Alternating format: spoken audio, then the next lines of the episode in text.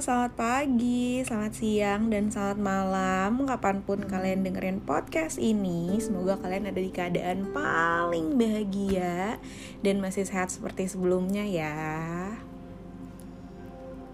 Welcome to this podcast episode ke-10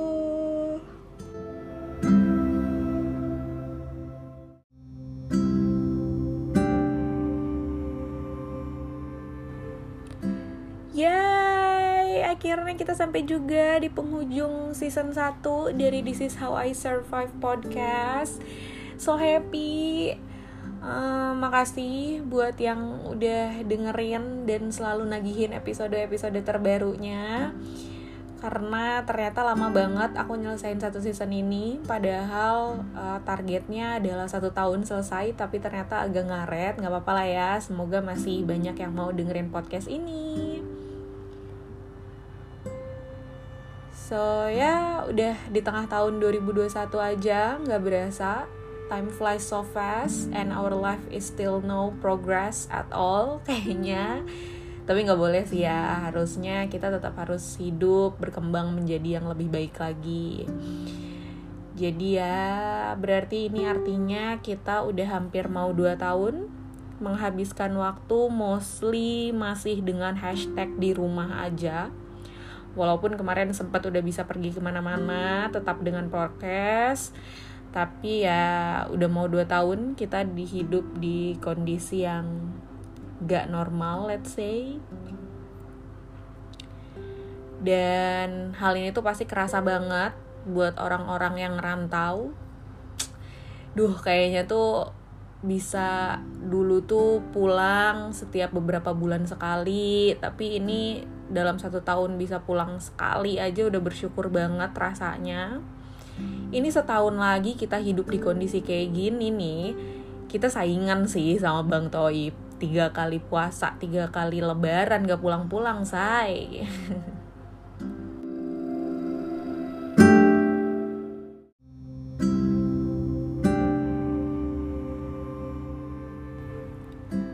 aku sendiri jadi anak rantau itu udah dari zaman kuliah. Kalau sampai sekarang sih di total-total sekitar 8 tahunan lah hidup di kota orang. Tahun 2018 harus ngerantau untuk kuliah ke Semarang dan sekitar tahun 2018 ngerantau ke Jakarta buat kerja.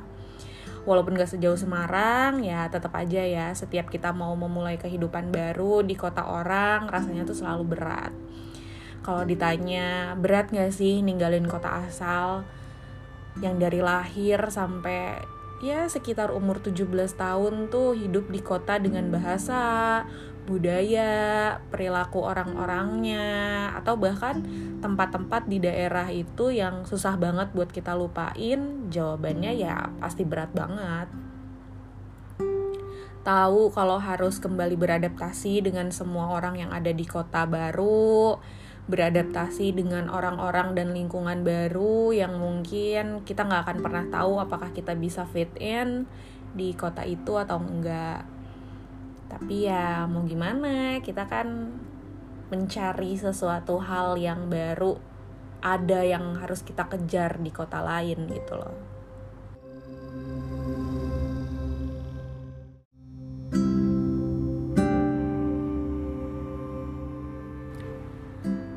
Jadi di podcast kali ini aku pengen cerita aja sih gimana aku menjalani hidup sebagai seorang anak rantauan.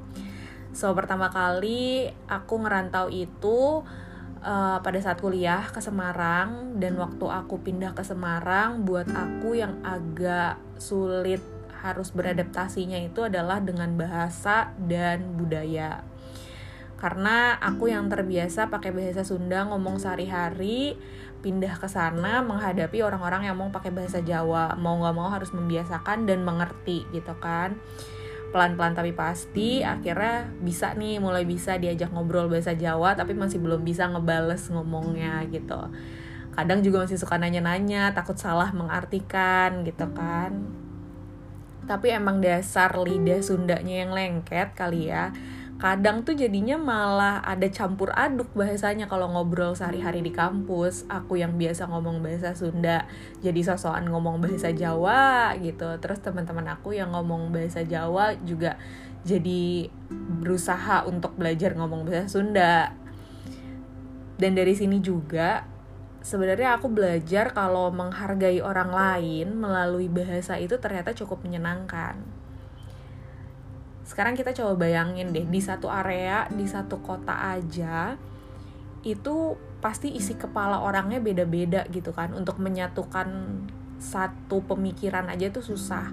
Apalagi ini kita menyatukan pemikiran yang berbeda-beda dengan basic cara komunikasi juga yang berbeda gitu loh.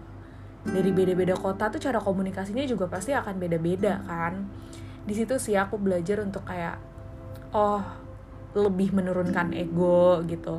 Oh kalau orang dari kota ini tuh nggak bisa loh cara ngomongnya kayak gini. Kalau orang dari kota tertentu ada yang cara ngomongnya memang lebih keras gitu. Serunya tapi adalah kita jadi bisa belajar bahasa kota-kota lain juga gitu. Yang mungkin sebagai contoh nih uh, kata dahar gitu. Kalau di Sunda sama di Jawa itu punya arti yang sama kan makan. Tapi kalau di Sunda kata dahar itu biasanya kita gunain untuk sehari-hari sama teman. Dan agak tidak pantas untuk kita omongin sama orang yang lebih tua gitu. Sedangkan kalau di Jawa arti kata dahar itu adalah makan untuk orang yang lebih tua jadi lebih halus gitu loh itu sih perbedaan-perbedaan itu yang jadi akhirnya nambah wawasan baru aja buat aku. Atau part paling serunya lagi adalah kita jadi tahu kata-kata kasar dari kota lain. Ya nggak sih?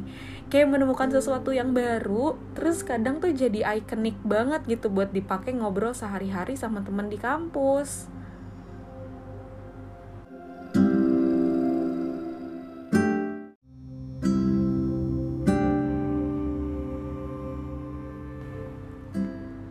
Selain bahasa, beradaptasi dengan budaya di suatu daerah juga hal yang cukup susah sih buat aku. Dari yang sebelumnya mungkin aku ada di budaya yang orang-orangnya cukup cuek dan gak terlalu banyak aturan. Terus aku harus pindah ke Semarang dan menyesuaikan diri dengan budaya yang ya bisa dibilang agak lebih banyak aturannya gitu. Contohnya adalah waktu di Bandung mungkin aku bisa pergi main pulang malam lebih dari jam 9 gitu. Dan itu biasa aja gitu buat orang tua aku pun biasa. Tapi kalau di Semarang karena aku belum sepenuhnya hidup sendiri dan gak ngekos, aku tinggal di rumah pade bude aku. Buat mereka mungkin itu adalah bukan hal yang biasa untuk seorang cewek pulang main lebih dari jam 9 gitu. Seharusnya uh, ya kalau bisa pulang jam 7 malam lah maksimal. Ya walaupun cukup sulit sih buat aku keep up sama budaya yang ada aturan yang ada gitu. Tapi sebisa mungkin aku mencoba buat membiasakan diri. Sebisa mungkin aku memberikan penjelasan sama orang-orang baru di sekitar kalau ya aku juga ini lagi tahap sedang belajar kok untuk menyesuaikan diri dengan aturan dan budaya yang ada gitu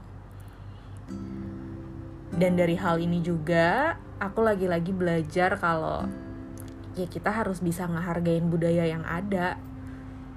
Setidaknya membiasakan diri lah untuk mengikuti aturannya gitu.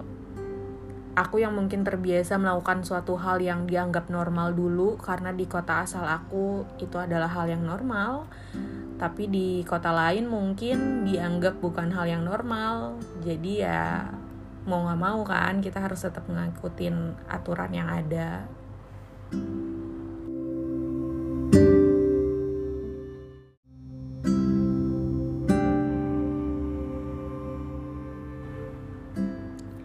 Sekitar 4 tahun aku selesai di Semarang rantau balik lagi ke Bandung nganggur terus selang beberapa bulan atau hampir setahun akhirnya aku harus merantau lagi which is ke Jakarta karena aku harus kerja di Jakarta.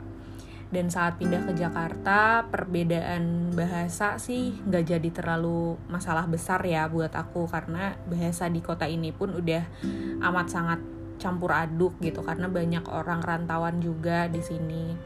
Tapi yang ngebuat aku agak kaget adalah dengan gimana orang-orang di sini jauh lebih keras dalam tanda kutip dibandingkan di Semarang dari kota Semarang yang orang-orangnya tuh lebih halus kalau dalam bertutur kata gitu.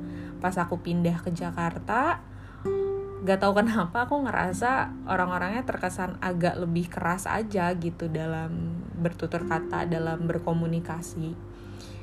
Kalau kata orang sih Jakarta keras bos. But overall karena aku udah terbiasa bertemu banyak orang dengan background suku dan adat yang berbeda-beda saat kuliah jadi ngebuat aku juga nggak terlalu kesulitan untuk beradaptasi saat aku harus ngerantau lagi di kota orang.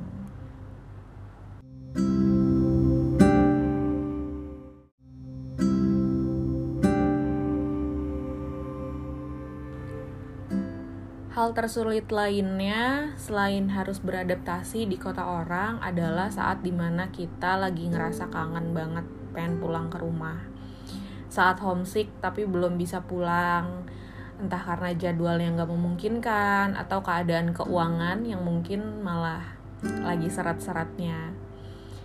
Biasanya hari libur kejepit tuh, jadi anak rantau kayak kita tuh nggak mungkin pulang karena nanggung gitu kan. Dan jadinya mungkin malah ngabisin ongkos kalau bolak balik karena liburan cuma sehari atau dua hari.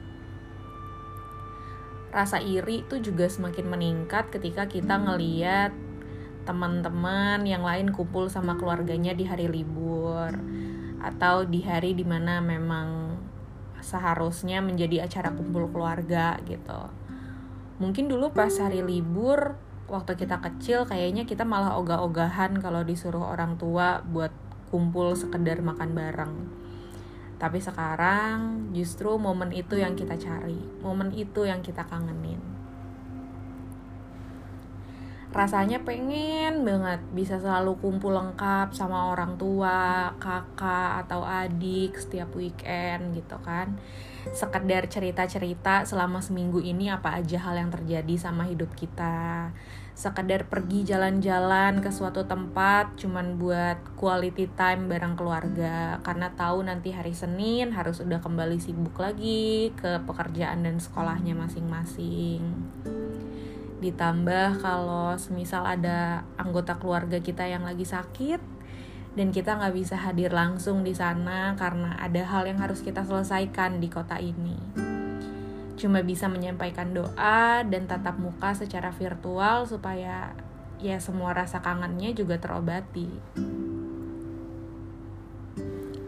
Setiap pulang ke rumah dan tahu besok harus berangkat lagi ke kota rantau, rasanya kasur di rumah tuh tarikan gravitasinya jadi lebih kuat gitu dibanding hari-hari sebelumnya. Rasanya berat banget buat ninggalin rumah.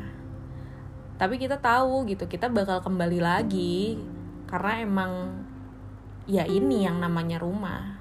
Ke mana pun kita pergi kita pasti akan selalu balik ke sini gitu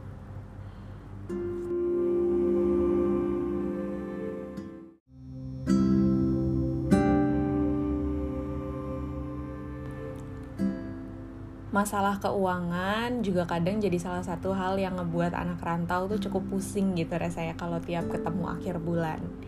Ketika tanggal tua tapi perut tetap harus diisi. Padahal uang bulanan mungkin belum dikirim atau gajian masih nanti awal bulan. Harus bisa survive di kota orang dengan duit yang pas-pasan, kadang ngebuat sebagian orang tuh jadi ngesot-ngesot ngejalaninnya sampai kadang ada aja gitu cara-cara unik buat tetap bertahan hidup. Mulai dari numpang makan di rumah teman yang emang tinggal di kota itu atau juga ngunjungin saudara lain di kota itu biar dapat makan gratis. Sampai sibuk nyari promoan biar bisa makan murah tapi tetap enak. Aku sih lebih ke yang terakhir kayaknya ya. Belum lagi tiket untuk pulang ke rumah dan harus balik lagi ke kota rantau itu kadang-kadang suka ngelonjak gitu tiba-tiba ngebuat kita jadi harus ekstra hemat buat bisa subsidi ke uang tiket. Atau harga sewa tempat tinggal yang tiba-tiba naik setiap tahunnya. Jadi mesti mikir hal apa ya kira-kira yang harus kita coret dulu dari bucket list biar kita bisa tetap tinggal di kota rantau.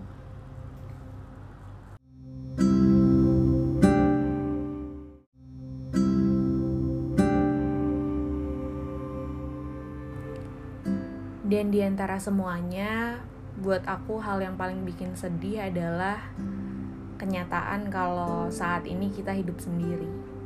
Ketika lagi sakit di tengah malam, gak ada yang bisa kita panggil buat bantuin kita. Gak ada yang bisa siap sedia 24 jam nganterin ke rumah sakit atau sekedar beliin obat di apotek. Dan gak ada orang yang dalam bentuk manusia nyata ngejagain kita pas lagi sakit semuanya harus kita lakuin sendiri buat tetap bisa bertahan hidup. Again, thanks to teknologi yang bisa semuanya sekarang udah diorder secara online. Tapi kehadiran manusia secara bentuk nyata gak akan pernah bisa digantiin walaupun secara virtual. Dengan segala keluh kesah, senang sedihnya jadi anak rantauan yang pernah aku alamin, hidup sendiri di kota orang juga ngajarin aku banyak hal. Mulai dari ketemu banyak orang dan harus bisa saling menghargai, gimana caranya bisa tetap survive padahal rasanya sakit banget, hidup serba pas-pasan, sampai gimana caranya bisa tetap bertahan untuk stay di suatu kota.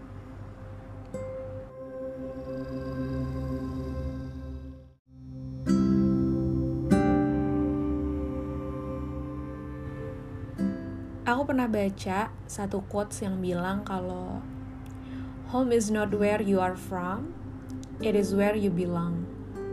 Some of us travel the whole world to find it, others find it in a person. Tapi kita juga nggak bisa memungkiri kalau definisi rumah sebagai tempat tinggal yang kita tempatin dari kita lahir sampai kita melalui semua proses kehidupan adalah tempat yang paling nyaman untuk pulang But again, life must go on. Kita harus bisa nerima kenyataan kalau akan ada saatnya kita pergi ngejar semua yang kita inginin dari dulu. Ngejar pengalaman yang mungkin kalau kita diam di kota asal nggak bisa kita dapetin. Ngejar hal-hal baru yang bisa kita jadiin pelajaran hidup ke depannya. Asal kita nggak lupa untuk pulang, cuman untuk sekedar ngecek apa kabar orang tua kita, ngecek kamar di rumah dan ngebersihin kamar yang udah lama kita tempatin atau untuk tahu kabar memori-memori yang tertinggal di sana. Banyak orang yang bilang merantaulah kamu agar kamu tahu kerasnya hidup. Dan aku setuju sih. Buat yang lagi ngerantau sekarang, tetap semangat ya. Ada keluarga di rumah yang selalu nantiin kabar bahagia dari kalian ada keluarga di rumah yang selalu nunggu kalian untuk pulang. Buat yang pernah ngerantau, congrats, you did it guys. Selamat kembali ke rumah dan berkumpul bersama keluarga. Dan buat yang belum pernah ngerantau, cobain deh. Gak ada salahnya mencoba untuk keluar sebentar dari rumah, biar kita tahu keadaan di dunia luar. Seru loh asik-asik tapi sakit gitu